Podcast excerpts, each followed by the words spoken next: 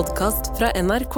Jon Hammersmark er TV-profil, podkastprogramleder og tidligere oberstløytnant i Forsvaret. Hammersmark har tjenestegjort i Forsvarets spesialkommando og deltatt i operasjoner i Bosnia og i Afghanistan.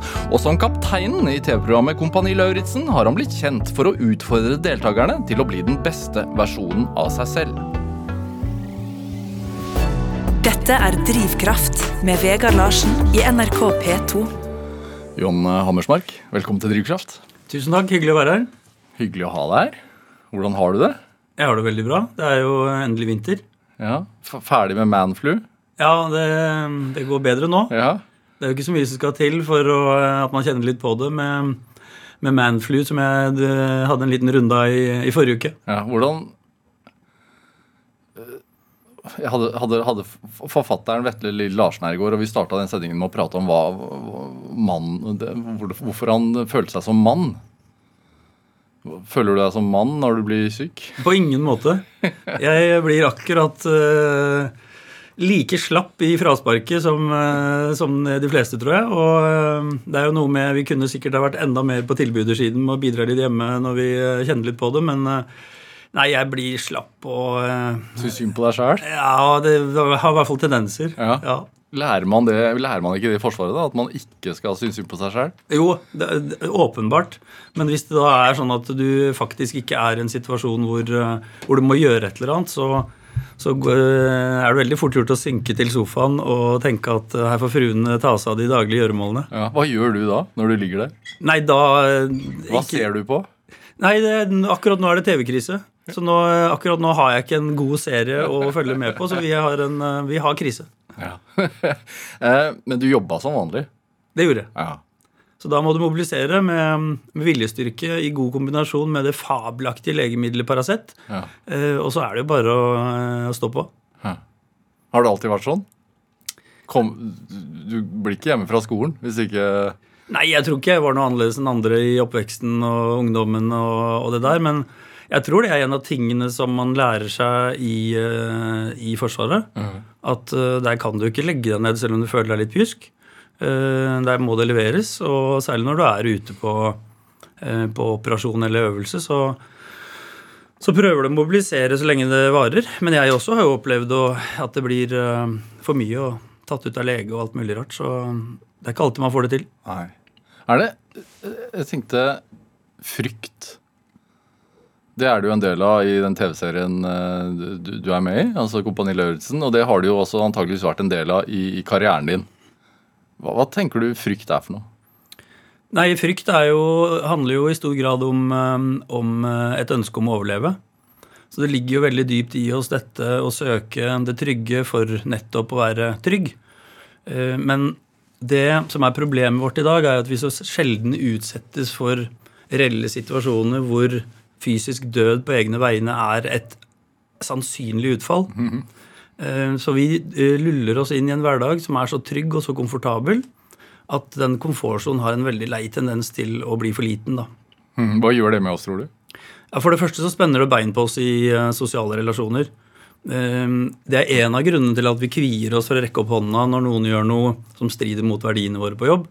Det er jo nettopp fordi vi er redde for at vi skal få kamera på oss, for at vi skal falle ut av flokken, for at vi skal dumme oss ut. Eh, Og det er jo det som er så vanskelig, at eh, eh, hadde vi turt å drive litt mer eksponeringsterapi på egne vegne, mm. så sørger vi jo for at, at vi har et stort nok operasjonsområde for oss selv til å være trygg, til å kjenne på at jeg har det bra, istedenfor å måtte gå og kjenne på ubehag og unødvendige eh, krevende følelser. Ja. Men, men opplever du at eh, eh, Sånn som med deltakeren i Kompani Lauritzen, at frykten lettere kan ta overhånd nå? Jeg tror det. Ja. Fordi at vi er egentlig designa for noe helt annet. Vi er designa for et veldig strabasiøst liv med trusler på alle sider for titusener av år siden. ja. Mens i dag så kan altså, Sånn faktisk savanneliv eller Nettopp. Ja. Eh, Og det handler om overlevelse. Vi er designa for å overleve under veldig krevende forhold. Mens i dag så kan du faktisk gå gjennom et liv og stort sett sitte på en stol ved siden av kjøleskapet ditt og se på TV. ja, men, men vi har likevel den der eh, fryktfølelsen i kroppen. Det har vi. Den ligger der. Ja. Så vi blir lurt, da. Vi lar oss lure, fordi at vi venner oss til eh, tilstanden vi er i, og kunne ha klart så fryktelig mye mer, gitt at vi orker å gå ut av komfortsonen og kjenne litt på frykten vår. Og det er jo det som er det, det ypperste eh, form for læring i så måte. Sterk læring. Det foregår jo utenfor komfortsonen. Så der du får det. Ja, hva kan det være, f.eks.? Det kan jo f.eks. være hvis du er redd for høyde, så er det jo det, dette klassiske baklengsstupet. Um, og alle, hvis du tenker deg om, så vet du jo at å gå ut på det stupebrettet og la seg falle tre til fire meter bakover ned til vannet, det er helt ufarlig. Du dør ikke av det. Ja, det gjør vondt hvis du trekker deg og lander på ryggen. Det gjør veldig vondt. Men det er ikke farlig. Og da er jo hele trikset det er jo for det første å gjøre de riktige tingene, holde kroppen stiv. Det er vanskelig fordi at kroppen ønsker å kreke seg sammen for å beskytte kroppen mot det som kommer. Og så er det jo selvfølgelig å tørre å gi slipp og starte den bevegelsen. De to tingene ligger ikke naturlig i oss fordi at det er ubehagelig. Og da tenker man vel som så noen av oss at hvorfor skal jeg da gjøre det? Hvis jeg tenker at eh, det er ubehagelig, hvis jeg uh, syns det virker skummelt, hvis jeg frykter å få vondt i ryggen når jeg lander. Hvorfor skal jeg, hvorfor skal jeg da gjøre det? Det er problemet. For du trenger jo ikke å gjøre det. Nei. Men du burde gjøre det for å nettopp utvide din egen komfortsone. Sånn at du har et stort nok område for deg selv å operere på. Og det er jo selvfølgelig Det blir jo feil å si at eh, du ikke kan gå gjennom et liv i Norge og være redd for edderkopper eller baklengsstup og ha et fullverdig liv. Selvfølgelig kan du det. Hva er du redd for, da? Jeg er redd for akkurat de samme tingene som stort sett de fleste. Edderkopper? nei, det er jeg ikke. Jeg er ikke redd for norske husedderkopper. Jeg er ikke redd for mus. Jeg er ikke, det er jeg ikke. Men jeg har høyderespekt. Jeg uh, har respekt for høy fart. Uh, jeg har respekt for alle de tingene som, som kan drepe oss. Jeg merker at du sier respekt og ikke øh, frykt. Ja, for jeg har ingen sånn fobier og frykter. Det har jeg ikke. Men jeg har også vært heldig i så måte, da. Ja. At jeg både har hatt en oppvekst hvor jeg har blitt utsatt for mye av dette, eh, og ikke minst gjennom alle disse årene i Forsvaret, hvor du eh, enten så kommer du deg gjennom disse tingene, eller så ryker du ut. Eh, Så hopper du ikke fallskjerm i FSK, så blir du ikke der så lenge, da. Hvor mange hopp har du? Eh, hva er det, da? Rundt 400? Ja. Militære hopp. Når begynner øh, frykten å avta? Hvor mange hopp må man ha i, innunder kroppen, holdt jeg på å si? Nei, jeg syns det tok lang tid for min del, da. Ja. Eh, Jeg eh, var veldig redd på de første hoppene. Da er du både redd for å dø, og så er du også redd for å ikke få plusshopp, altså godkjent hopp. eh, Sånn at du ikke kommer videre i progresjonen. Så du er både redd for å ikke prestere og for å dø. Um, og jeg husker på det første fallskjermhoppet mitt, det var 1997. eh, Siste kurset som gikk på Trandum, før vi flytta avdelingen til Rena. Der uh, måtte jeg si til meg selv i døra, hoppingen foregikk i Sverige for øvrig, at ok, nå er jeg så redd at nå er jeg usikker på om jeg kommer til å klare å prestere og gjøre de riktige tingene, så nå må jeg ta meg sammen. Og når jeg satt i døra og vinden river i føttene, så sa jeg til meg selv dette er det ganske mange millioner som har klart før meg. Hvorfor skulle ikke jeg klare det? Nå fokuserer du på å gjøre det du skal. Og så gjorde jeg det, og så gikk det bra. Når du øh, i, Kompani Lauritzen, så øh, Der har jo du rollen som kaptein. Eh, er jo egentlig oberstløytnant, eller har vært, da. Men, og en av oppgavene dine der er jo å motivere de reality-deltakerne som er med. det det være seg kjendiser eller ikke-kjendiser. Er den derre Nå må du ta deg sammen. Er det en, en god motivator? Det er som regel en veldig dårlig motivator, men det er noen ganger sant. Så eh, jeg sa jo annet det til Linnea Myhre når hun ikke fikk fyr på bålet sitt i sesong to. Da sitter hun ute i skogen, og det regner, og det er veldig krevende forhold. Og hun er Hun vurderer å gi opp. Og da gjorde jeg det motsatte av å støtte. Da gikk jeg inn med vilje, fordi Linnea Myhre er en veldig tøff person. Og da sa jeg at nå må du ta deg to skjeer, ta deg sammen. Uh, og det funka jo ikke i det hele tatt på henne. Og da um, Litt senere utpå natta der så fikk de jo litt hjelp, sånn at de fikk eh, fyr i den sesongen. Men uh, det funka ikke i det hele tatt. Nei. Hva tenker du da? Nei, jeg tenker jo eh, Det var egentlig så var det et forsøk fra min side. Husk på at når vi kommer inn for å eh, veilede, eh, så byr ikke vi på for mye eh, kos. Vi har et militært univers å forholde oss til. Det er et tøft univers å overleve i. Du må grave selv. Og finne den indre motivasjonen til å gjøre så godt du kan, selv om du mislykkes, selv om du fryser, selv om du har lyst til å gi opp. Jeg tror det er den sterkeste formen for eh, motivasjon når det gjelder å dra seg gjennom de vanskelige tingene. Det er å finne den kraften selv. Det er mye enklere når folk står og roper på deg og heier og eh, gir deg ytre motivasjon. Så det også, i tillegg til å måtte finne motivasjon selv, få litt tyn, som å bli fortalt at, at du må ta deg to skjeer, ta deg sammen, da er du så langt inne i det vanskelige terrenget i deg selv Ja. at du risikerer å få sterk læring. Hva er vi blitt eh, syd, Blir vi sydd for mye puter under armene på? Ja, Det er det vel ingen tvil om. Jeg pleier å si det at foreldre i dag vi sier jo ikke puter under armene på barna, vi sier de største saccosekkene. Altså, det er jo et galskap av fasilitering og tilrettelegging for disse barna på daglig basis som ikke ligner noen verdens ting. Al- Altså, som jeg eh, har tenkt selv, da, og jeg er jo Jeg har jo en åtte år gammel sønn selv. Jeg kjenner jo på det her hver eneste dag, men altså, vi ser jo tendenser til at hele slektstrær møter opp på fotballtreningen til åtteåringen ikke sant? Med, med banner og flagg. Er ikke det fint, da? Og vi legger ut bilder av matpakkene til barna på Instagram. Altså, Vi fasiliterer og tilrettelegger i en sånn grad at barna ender opp med ikke ane hvordan de skal gjøre noe selv. Altså Eksempelvis Å, Jens, du vil ikke ta bussen til skolen i dag, nei? Nei, men da kan jeg kjøre det de, nesten 13, de neste 13 åra, jeg. Det er klart den ungen aldri kommer til å tørre å ta buss. Nei. Hvordan, du, hvordan er du sjøl, da? Nei, jeg, jeg prøver å tenke på dette. Uh, og at det skal koste litt, at du må stå i det, at du må lære deg å håndtere følelsene dine. Uh, og det er jo ikke noe enklere for meg enn for andre, men jeg tror vi må tenke oss litt mer om på generelt grunnlag, for livet er jo ikke en dans på roser. Livet byr jo på alt mulig rart. Vi må jo forberede barna på det. Ja. Hvordan var det hjemme hos deg da, da du var unge? Jeg hadde en, eh, en fantastisk oppvekst. Eh, Jo, men i forhold til disiplin. Nei, det var eh, nok mer 70-80-tallsstil. At vi var nok litt mer overlatt til oss selv enn foreldre i dag. For vi er jo så involvert i alt. Mens hjemme Jeg vokste opp i Råde på landsbygda i Østfold, på et boligfelt med gårder rundt. Vi var jo i skauen. Og vi kom hjem når vi kom hjem, hadde jeg nær sagt. Og vi spilte fotball og hockey og cowboy-indianer og slo hverandre i huet med en kjepp hver eneste dag.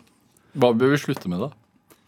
Vi bør, vi bør slutte med. Ja, Vi må slutte å skryte av ting som ikke er verdt å skryte av. Som for eksempel? Å, så flink du var i dag, igjen, som klarte å puste selv. Det var kjempebra. Så vi må begynne å skille mellom tilbakemelding på innsats og prestasjon. Ja. For det er to vesensforskjellige ting. Lær barna å gjøre så godt de kan eh, med det de har, selv om det ikke lykkes første gang.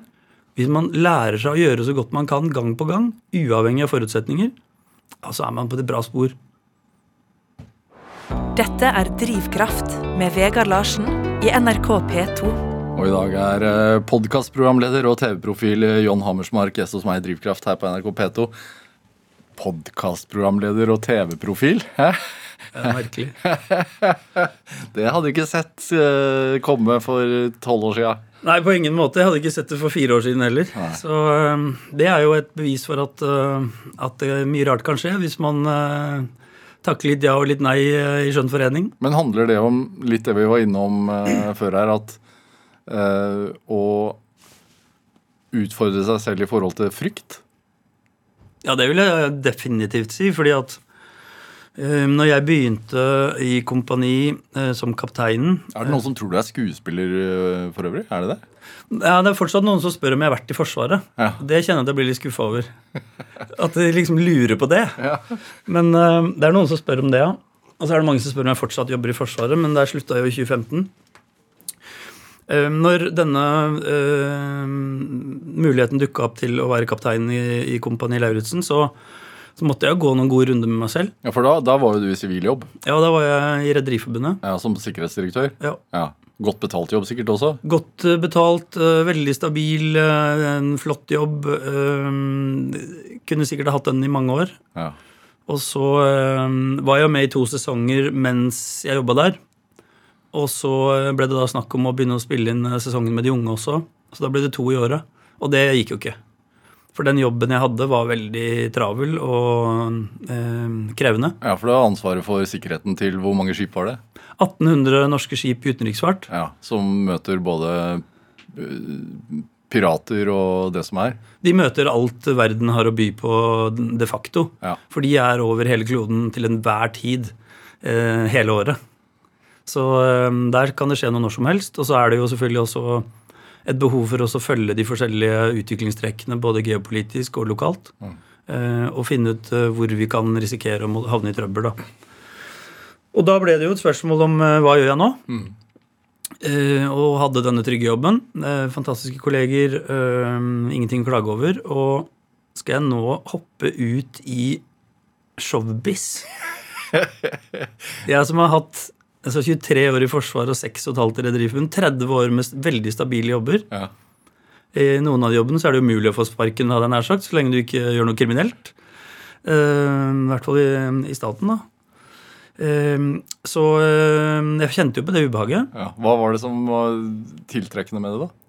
Det, det var nok øh, øh, en miks i så måte at på den ene siden så kan det by på nye muligheter som jeg ellers ikke får. Eh, det kan øh, Eller jeg vet at det blir gøy. For vi har det jo fabelaktig gøy med, med Seafood-gjengen og Altså til produksjonsselskapet? ja, de som lager kompani, og med Dagotto Christian og Geir Aker og Gøran og Linda og Guro og hele gjengen som er befalsteamet, og, og ikke minst eh, de flotte folkene i produksjonen. Det, det er veldig gøy. Vi eh, jobber mye, vi står på, men den faktoren moro visste jeg jo at det kom til å bli. Um, og så um, tenker jeg også at, at jeg er en person som liker uh, variasjon. Mm. Uh, jeg liker å gjøre litt forskjellige ting. og Savna å ha på deg uniform? da? Nei, for så vidt ikke, altså. Uh, Jeg får jo ofte spørsmål om jeg savner Forsvaret. Og jeg gjør jo strengt tatt ikke det sånn sett. Eh, Jeg er veldig takknemlig for de årene jeg hadde i Forsvaret. Og så gikk jeg videre, og jeg tenker jo nå mer rasjonelt for meg å tenke at det er en tid for alt. Eh, Og så er det vel også sånn at eh, jeg savner jo ikke det den avdelingen eller det forsvaret vi har nå. Jeg savner jo de, de og den vi var da. Og det får du aldri tilbake uansett. Så det er klart at hvis jeg eh, drar på besøk til FSK i gangene på Rena nå, så er det jo ikke de samme folkene. Det er ikke de samme oppdragene. Nei, Til men- uniformene Det blir som en sånn nostalgi over ungdomstiden på, på et vis. Ikke sant? Ja. Så jeg tenker jo at eh, det smarte å gjøre innimellom er jo å kalle en spade for en spade og, og tenke at eh, det er en tid for alt. Ja. Hva var du redd for, da? Og eh, jeg var vel redd for ganske mye. Redd for å feile. Redd for å, at ikke det skulle lykkes. Eh, redd for å ikke kunne betale huslånet og være en ansvarlig far og, og samboer. Ja. Og kjente på de Hvor lenge kommer dette til å vare? Eh, Det vet man jo aldri.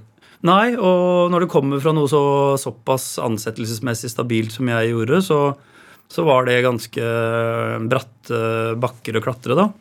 Var oppmerksomhet en øh, del av det? Det må jeg si at jeg lurte litt på selv også. eh, Fordi at jeg har aldri Eller jeg har alltid vært eh, et barn og en ungdom som gjerne lagde litt show og ikke var redd for å stikke meg fram og få andre til å le. eh, Tørre å si noe i plenum. eh, Hatt eh, lederposisjoner også uformelt i vennekretsen. Og da er jo spørsmålet om, det, om oppmerksomhet er det som driver det. men det er litt vanskelig å si sånn i, i forkant og underveis, men jeg kan i hvert fall si i etterkant at nå som jeg får mye oppmerksomhet, så tenker jeg at det at den, den kniven har to eh, egger, for å si det sånn. Oppmerksomhet kan være bra, men det kan også være ganske utmattende og, og slitsomt. Så Ja. jeg tror ikke det drev meg på noen måte, men jeg var jo fullstendig klar over at På hvilken måte er det bra? Eh, Som eh, businessmessig så er det jo bra å ha oppmerksomhet. I så måte at for min del at jeg får foredrag, at jeg får forespørsler, at folk er interessert. Skrive bok. Ja, skrive bok. Um, Hva er det negative, da? Nei, det er jo eh, at du eh, i mye mindre grad får være alene. Ja. Så jeg kan jo ikke sitte på Gardermoen og være alene. Nei. Og du er en mann som har vært i FSK i 15 år med bare hemmelighetsstempla oppdrag og top secret. Ja, og det, de siste årene mine i FSK så var jeg en, en av de offentlige. eh, For jeg var jo nestkommanderende og stabssjef de siste årene. Og Eirik Kristoffersen var jo sjef for avdelingen. Mm. Forsvarssjefen. Ja, Ja. Så vi ble jo eh, Noen eh, må jo på en måte være offentlig. Sånn at man eh, kan forklare og beskrive og stå til ansvar og være på møter osv. Men det er klart den forskjellen på de to verdenene er vel omtrent som svart og hvitt. ja. Så jeg, jeg kjente jo veldig på det ubehaget knytta til egentlig mest om det var jeg som skulle påta meg rollen og innkassere kred på vegne av så mange eh, hundre mennesker som har blødd for drakta i denne avdelingen i, i så mange tiår. da. Siden opprettelsen eh, først på 60-tallet og så senere begynnelsen av 80-tallet. Um, så det er vel en, eh, en sånn litt blanding av Vi er jo ikke sånn i utgangspunktet glad i å Litt sånn jantelov-tema, da. Hvor skal jeg liksom innkassere det på vegne av alle? Mm. Det er jo klart en Det er jo ikke det som er målet mitt. Det er jo mer å fortelle om mine erfaringer og, og opplevelser. Og håpe at andre kan lære noe av det. Mm. Hvor vesentlig er den lagtanken? Den er øh, selve det hele. Ja. Øh, det er også tidlig forstå at laget er viktigere enn deg. Eh, Vi må få hele teamet til å funke for at vi skal løse det oppdraget. Hvordan lærer man det? Det lærer du veldig greit med første gang du selv snubler ned i denne kjelleren og skjønner at du trenger hjelp av andre. En av mine lærdommer er jo at det, er sånn, Jeg drar litt på det nå, for jeg vet om én som er så rå at eh, jeg blir litt i tvil om dette utsagnet, men 99,99 ,99 sikkert, dere, det fins ikke Supermann. Før eller siden så er det eh, sånn at du faller. Ja. Du er sliten, du eh, mislykkes med et eller annet, du eh, har følelser og tanker som gjør at du havner litt eh, på feil spor. Vi trenger alle hjelp fra andre før eller siden. Og det tror jeg er et veldig fornuftig utgangspunkt å ha i de fleste sammenhenger, og særlig når man skal jobbe i team. Ja. Hvor tidlig i forsvarskarrieren opplevde du det? Det fra, helt fra begynnelsen av. Ja. Jeg begynte jo på befalsskolen for infanteri i Nord-Norge i Harstad. Og, eh, Når var dette? Det var i 1992. Eh, Jeg var veldig god i idrett, så jeg hadde jo i så måte en veldig god sånn idrettsbakgrunn, men jeg var jo lett. Eh, Og det er en av mine bestekamerater derfra, var styrkeløfter fra Finnsnes. Han heter Arde. Eh, Og han var jo et monster. Han var jo så sterk. Og han var god til å løpe òg. Så da skjønner du jo tidlig at her er det bare å begynne å løfte vekter, sånn at det skal bli litt mer pulver i apparatet. Um, og det gjør du hele veien. Du skal ut og bære tunge sekker. Det lønner seg ikke å veie 65 kilo da. Du må opp i vekt. Selv om du er, eh, løper 3000 på, uh, på 9,20 og rundt der, så, så hjelper jo ikke det noe når du skal bære sekken din i to uker. Mm. Så da er det jo bare å bygge. Ja. Men var det det som gjorde at du gikk i kjelleren? Nei, eh, det, men du møter jo da de fysiske begrensningene før eller siden allerede på de første øvelsene, og merker at du virkelig må grave fordi at du ikke er vant til den typen belastning. Og så eh, går det jo seg til etter hvert som du trener på det. Så det året på befalsskolen var utrolig viktig med hensyn til å bli eh, hardfør i felt og det også jobbe sammen i de lagene vi ble satt til å jobbe i. og Det var jo det som var så fint med, med den befalsskolen den gangen. Vi, det eneste vi gjorde, var å gå. Vi hadde ikke noe kjøretøy eller noe som helst. Vi gikk og vi gikk og vi gikk, og vi var ute så mange døgn det året. Fint. Ja, det er kjempefint. For du bygger karakter, og du bygger mestring, og du bygger fysikken din. På en helt annen måte. Mm. Så jeg syns det var fint. Ja. Men hvorfor ikke gi seg med befalsskolen? Nei, Det også var tilfeldigheter. Det, der eh, er jeg da etter hvert som sersjant på Skjold. Eh, Og da ble jeg, eh, tre andre og jeg kalte inn på kontoret til komponisjefen. Utrolig eh, fin type. Trønder, selvfølgelig. Og han, eh, han sa det at eh, på tirsdag så kommer opptaksoffiseren fra krigsskolen. Jeg beordrer dere fire til å stille. Og så eh, han beordra han oss til å stille der, han. Så da sier man jo ikke nei. Nei, altså når komponisjefen øh, har sett deg og ønsker at du skal gjøre det, og med glimt i øyet beordrer deg, så, så stilte vi alle fire på det grove uttaket, og så dro vi senere på opptak på Linderud, og alle vi fire kom inn. Ja, hva vil det si å komme inn på krigsskolen? Det er jo vanskelig, da. Det er jo eh, de færreste eh, som, eh, som kommer inn. Ja. Det er en nøye Et opptak som består av forskjellige eh, deler, da. Eh, både litt fysisk og eh, Ikke noe voldsomt fysisk, men sånn minimumsopplegg. Og så er det samarbeidsevner og evnetester og eh, gruppeoppgaver og presentasjoner og litt sånn eh, forskjellig. Og så eh, er det jo alltid flere, veldig mange flere søkere enn en de som kommer inn. Så det er klart, det var jo en skikkelig boost, det. ja. Konkurransemenneske? Det tror jeg nok alltid jeg har vært, ja. Ja. Med, med godt monn. Og må samtidig si at det har avtatt med åra. Det tror jeg er en sånn naturlig uh, utvikling så, sånn sett, da. Hvorfor, hvorfor er det ofte sånn? Nei, det slår vi oss ikke litt i ro med altså det, Jeg liker jo veldig godt ett begrep, da, alle disse som går rundt og klager over at alt var så mye bedre før. Jeg syns jo det er et bedre uttrykk å si at alt var bedre før. Jeg også. Så uh, jeg vet jo det at jeg kommer jo aldri til å være i nærheten av de 3000 tidene eller hva skal jeg si eh, rekorden min på Birken eller eh, Nå trener jeg for å for å føle meg eh, i form og ha overskudd og, og kraft til å ha et bra liv. Ja. Hvordan er en dagsrutine? Det finnes ikke to like dager i det hamsterhjullivet som jeg har hatt nå de siste månedene. Så eh, som regel så er det eh, Jeg kan si en uke er ofte sånn at jeg ikke har noe oppdrag mandager for å få tatt unna litt forberedelser og administrasjon. Og da prøver jeg altså å få lagt inn en treningsøkt. Uh, og så Hva gjør du da? Drar et bildekk? Nei, nei, nei. nei, Traktor? Altså, det her må være effektivt. Så jeg brukte pandemien på å bygge treningsrom i kjellerstua, eh, altså i kjelleren. Pilates? Nei, det er eh, god, gammeldags olympiske vekter med, med, med frihantler. Og jeg har en stakemaskin, jeg har en, eh, jeg har en tredemølle. Så en eh, vanlig økt for meg, er enten så drar jeg ut og løper den samme runden hver eneste gang. Det er ni kilometer rundt på Jeløya. Aldri noe avvik fra For det målet er ikke turen. Målet er å trene. Og de som syns det er gøy å trene, de trener jo feil. Så, eh, så det er bare å komme seg gjennom den løpeturen. Ellers så er det eh, Det er også litt lurt, da, når man etter hvert blir medlem av den eksklusive klubben Mann 50 pluss. Og løfte litt vekter og trene litt styrke for å holde styrken ved like.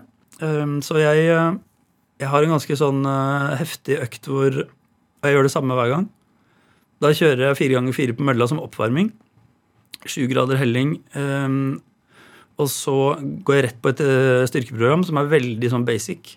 Det er hangups og det er benkpress og det er alle de grunnøvelsene. Det er ikke noe fancy. Eh, og så kjører jeg noen ryggøvelser og litt sånn. Eh, og så Hva, er det hva, hva sier du til deg sjøl når du holder på sånn? ja, Da sier jeg at nå er du flink. Så klapper jeg meg selv på skulderen. og så forsterker jeg motivasjonen til å fortsette. Jan Hammersmark, vi skal spille litt musikk. Du har med en, du har med en klassiker. Uh, Dire Straits 'Brothers in Arms'. eh, en militærlåt. Hvorfor har du den med? Jeg kunne ikke hoppe bukk over eh, Brothers in Arms fordi det er en eh, sang som er brukt i så mange forskjellige situasjoner i min militære karriere, og privat også. Fra begravelser, som kanskje er de verste, til utrolig viktige landingstidspunkter når man sitter i baren etter eh, et vanskelig oppdrag eller en tøff øvelse og omfavner verdien av å ha fått noe til sammen.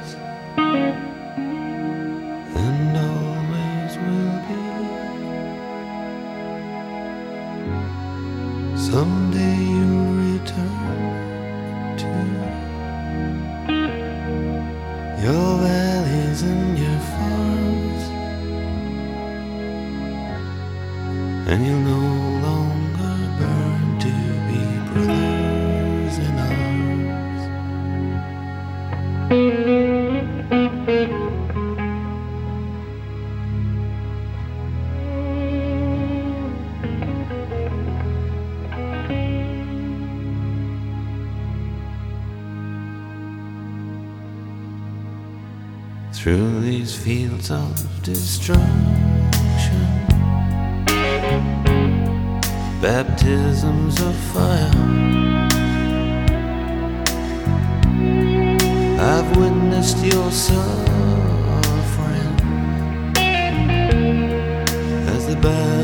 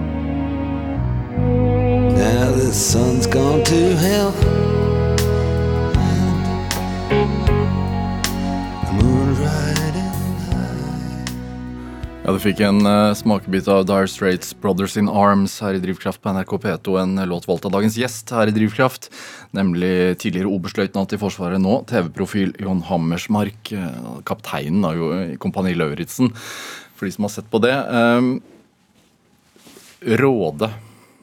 eh, Østfold. Eller tidligere Østfold, da. Det blir vel igjen snart? Vi sier fortsatt Østfold. Ja, det er bra. Eh, hva slags sted er det å vokse opp? Det er eh, fantastisk. Du, er, du ble født i Bodø? Nei. Ja. Hvor lenge var du der? der var jeg vel til jeg var tre-ish. Ja. Um, Så jeg snakka jo kav bodøværing langt inn i barnehagen, jeg. Uh, Og så uh, har jeg blitt fortalt av min mor at jeg kom hjem fra barnehagen en dag og sa 'Mamma, mamma, hva betyr nordlending?' Og så oh. forklarte hun det, og dagen etterpå snakka jeg bokmål. Ha. Så um, nei, eh, Råde flytta jo til uh, etter kort tid på Rygge. Faren min jobba på Rygge flystasjon. I Forsvaret, eller? Ja. Han eh, fløy den gangen eh, FM.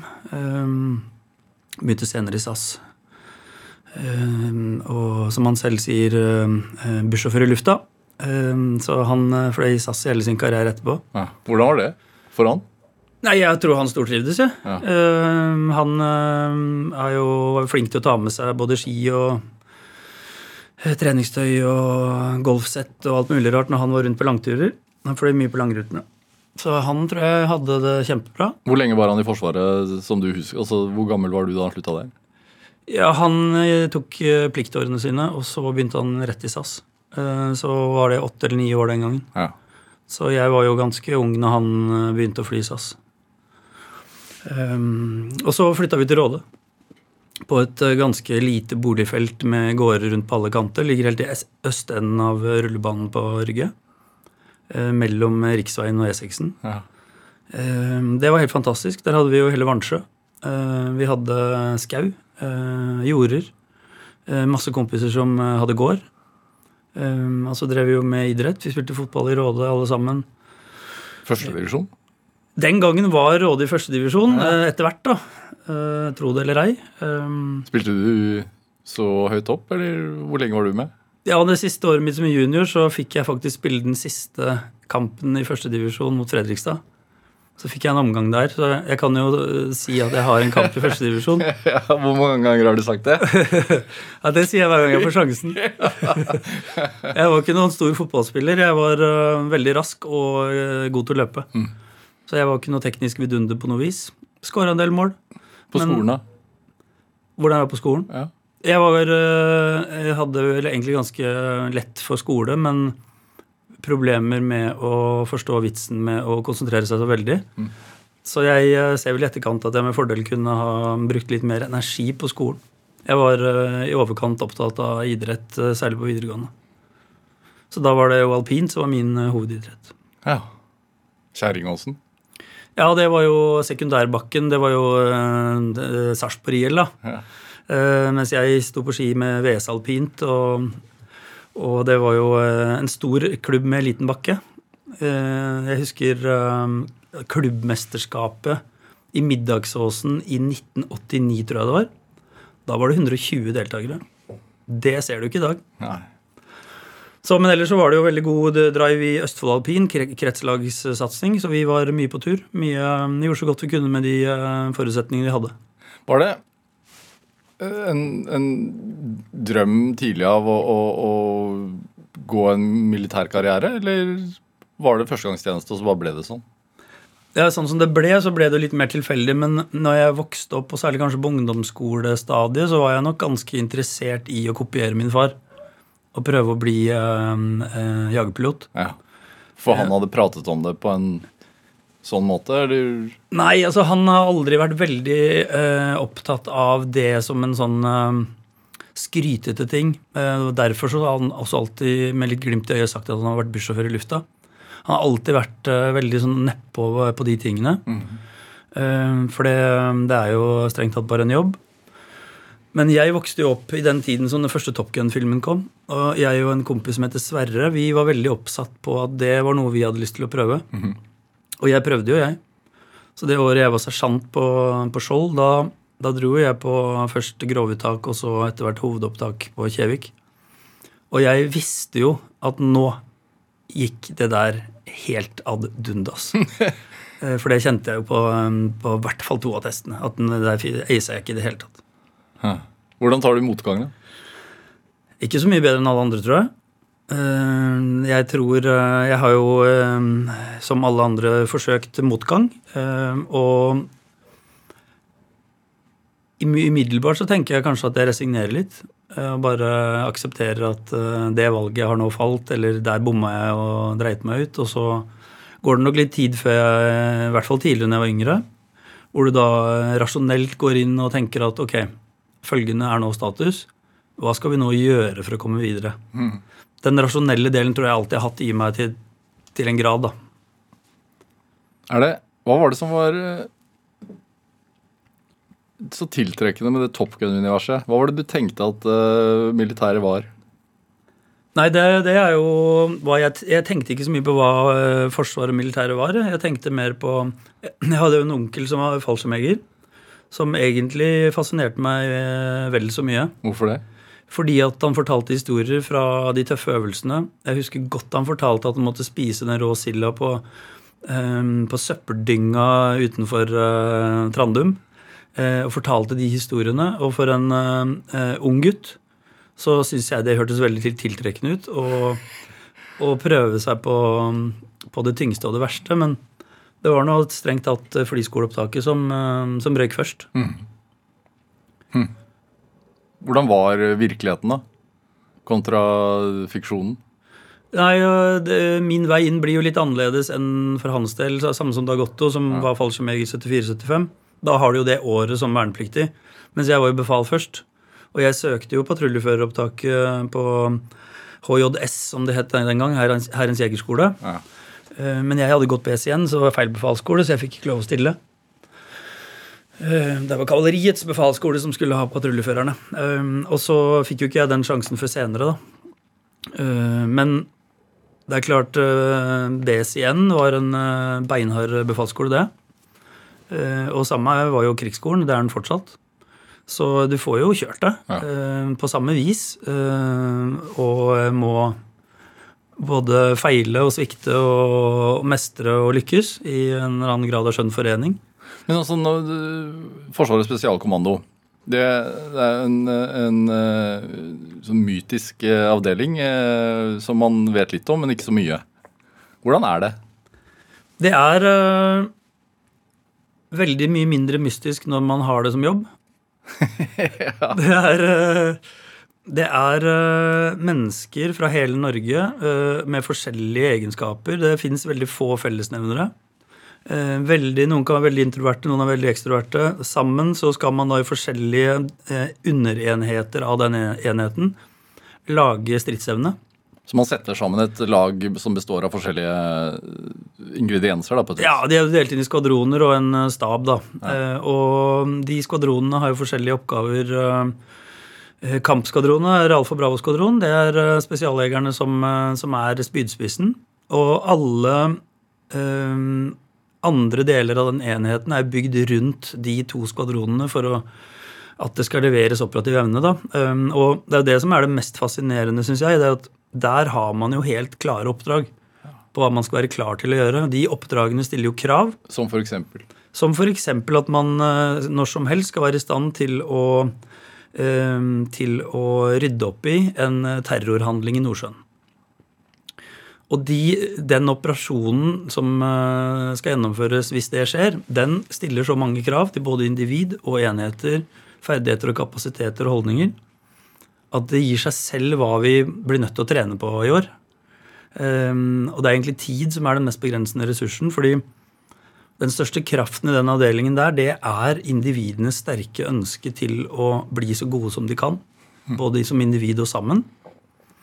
Og det er så selvfølgelig da den ukuelige viljen til å løse oppdrag uavhengig av forutsetninger. Hvor ligger motivasjonen der, da? Hvor, hvor var din motivasjon for å bli så god du kunne? Ja, Nå har jeg aldri jeg vært i Alfa Bravo-skvadron, øh, men øh, jeg hadde jo som mål at det skulle i hvert fall ikke stå på meg. Så innenfor de områdene som jeg øh, på forskjellige øh, deler av min karriere der øh, hadde ansvar for, så skulle det jeg hadde ansvaret for, og det jeg kunne påvirke og bidra til, det skulle være så bra som overhodet mulig. Fordi jeg skulle ikke være den som etter en mislykka operasjon skulle tenke i etterkant at jeg kunne gjort mer før vi dro ut, sånn at vi slapp et tap eller slapp eh, en feil. Eh, så For det er alltid en risiko. det er alltid en risiko, eh, og det er det som er så, så grunnleggende vanskelig med, med en sånn type avdeling, som er Norges mest operative avdeling. Eh, De skal kunne løse oppdrag som andre ikke kan. Ja. Eh, Og når det er lista, så er det jo sånn at før eller siden så kommer du til å miste noen, både på trening og eh, skarpt. Og da er det utrolig mye bedre å vite at jeg hadde gjort så godt jeg kunne i alle fasene fram til det. Samtidig som vi åpenbart eh, må trene på å akseptere å gjøre feil. Da. For det gjør alle mennesker. Hvordan trener man på å akseptere en sånn risiko, da? Risikoen? Nei, det er jo eh, akkurat som eh, Bjørn Einar Romøren. Han hoppa ikke sitt første skihopp i Planica. Han tryna på et lite hopp i hagen, ikke sant. Ja. Så du begynner jo med å bygge steinene gjennom seleksjon og utdanning og trening. Og så øver du så realistisk som det går an. Eh, Og gjerne med kort tid til forberedelse.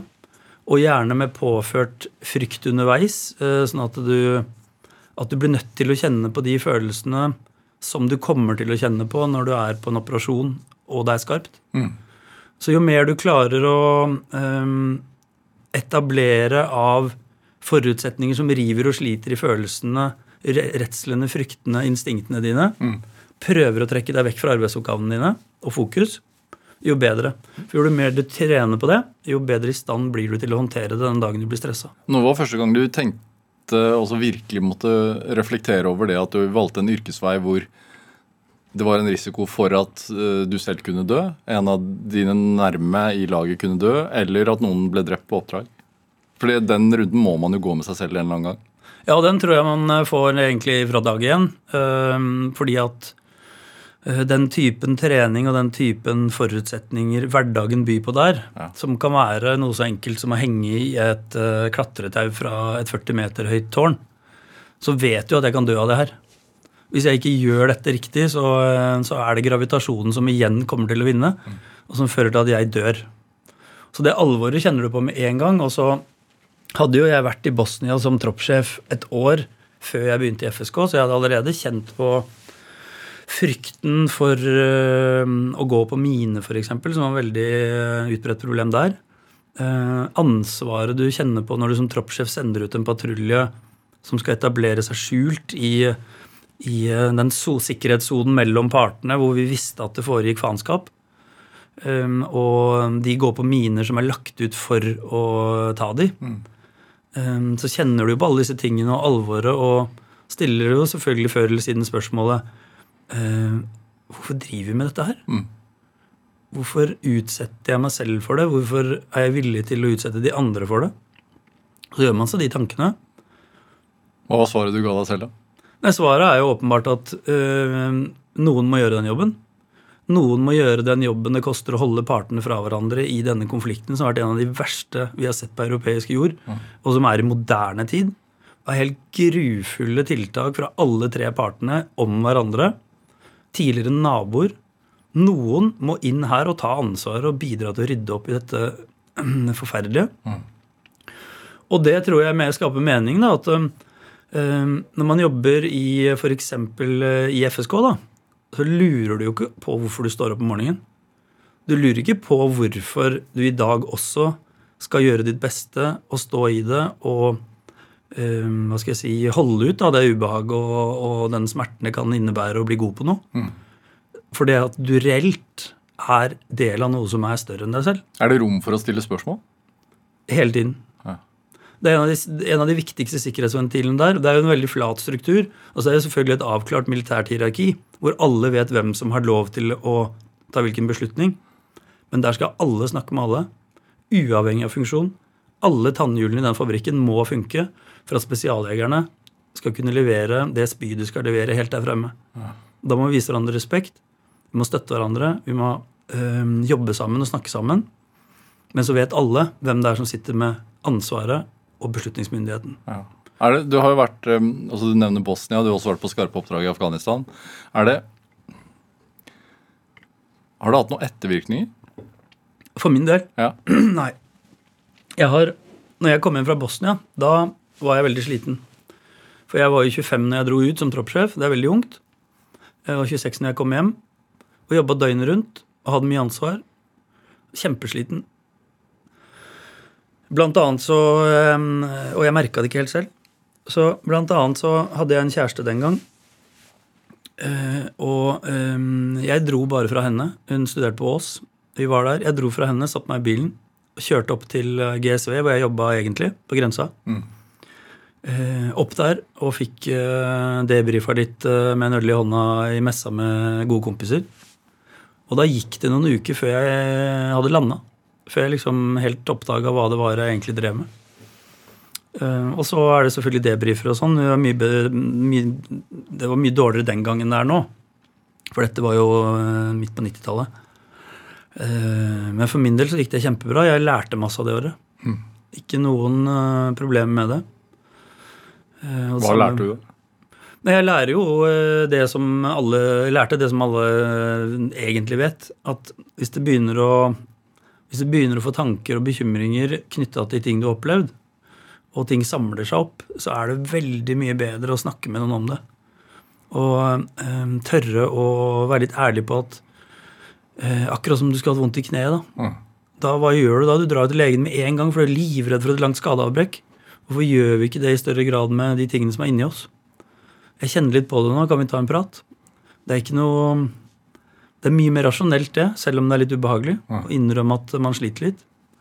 Men så skal jeg heller ikke påstå at jeg har slitt så veldig, men jeg har fått anledning til å lufte ut lenge før det har blitt et problem. Så jeg har aldri hatt eh, noe problem med det. Så selv i, i et såpass maskulint miljø så er det en veldig stor del av hverdagen. Det er helt avgjørende viktig. Ja. Vi fikk jo veldig tidlig inn Jon Reichelt, som vi bruker som eh, psykiater også i kompani nå.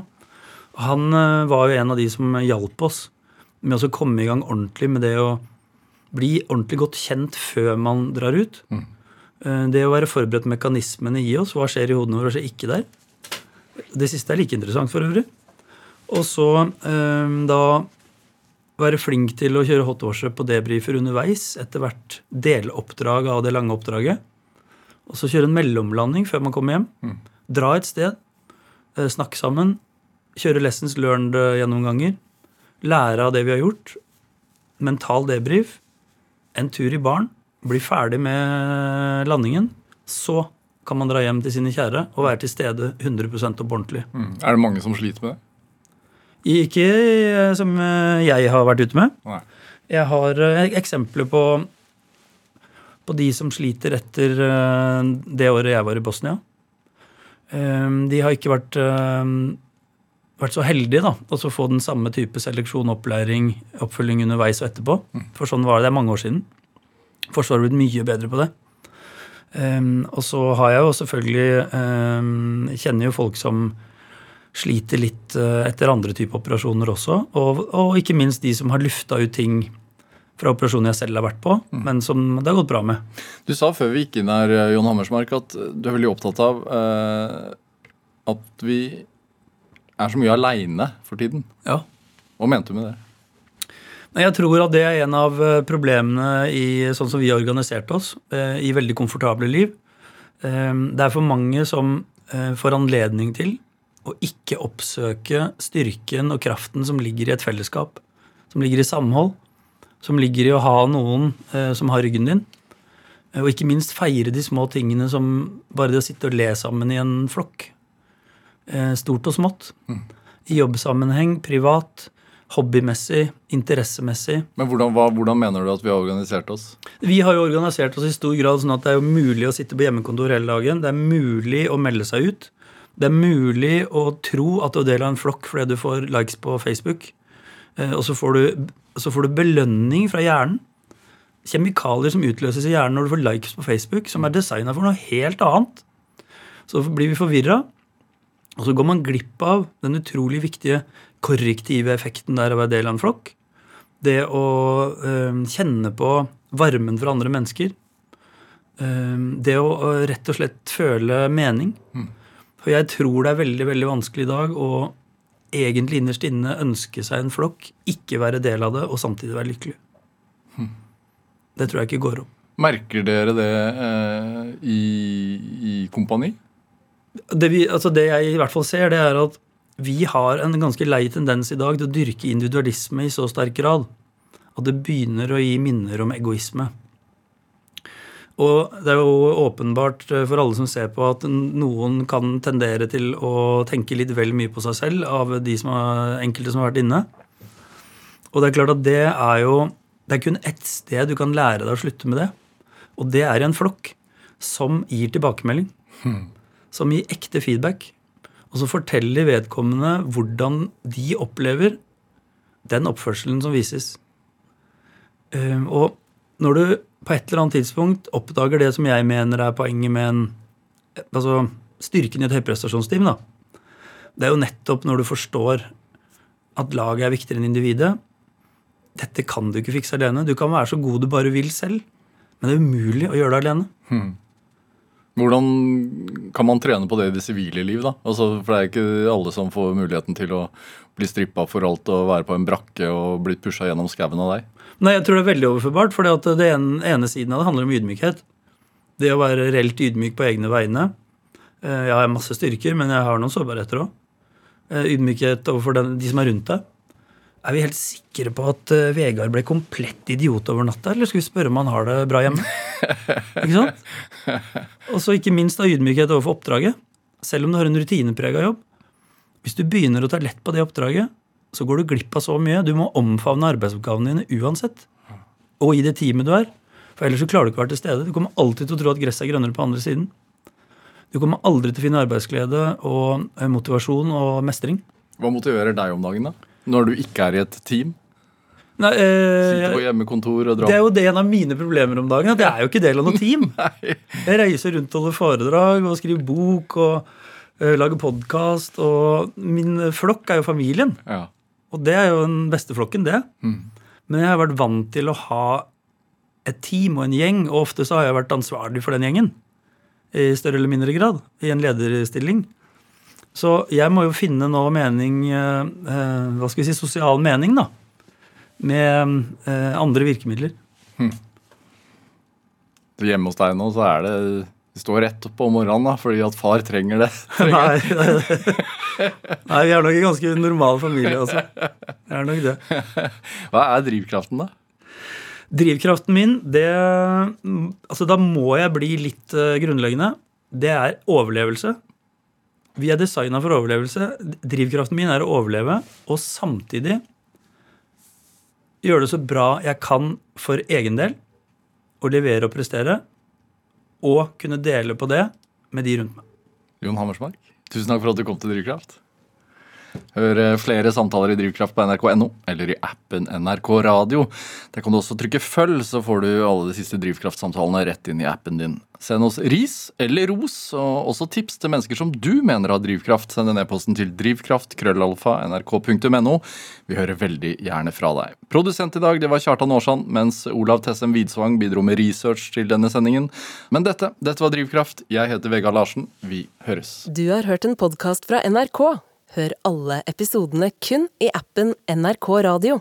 Hallo, hallo, du, før du går videre med livet ditt, ut av denne podkasten din igjen, igjen. Eller før du tar av deg headsetet, Ja. eller eh, velger noe annet eventuelt. Dette er jo Livet, jeg heter Ronny, og vi har lyst til å invitere deg på juleselskap hver dag i desember i vår podkast som heter Julestemning! Jeg må si, det er en avtale Ja. det er vanskelig å si nei til. For du og jeg, vi møtes hver dag for å prøve å finne julestemning. Ikke bare vi, men sammen skal vi finne julestemning. Og vi, vi kan ikke garantere at den kommer og blir, men at du får sånne små blaff av julekos og julestemning her hos oss. Det, det har vi prøvd i to år nå, vi er på tredje året. Ja. Det, det funker, altså. Så hvis du vil, så er nå vi, vi bare ligger borti den NRK radioappen tilgjengelig hver dag fra 1. til 24. desember. Bli med hvis du har lyst. Inn i julekottet sammen med oss. Det blir ikke ujulete, i hvert fall. Julestemning med Live og Ronny. Hør alle episodene kun i appen NRK Radio.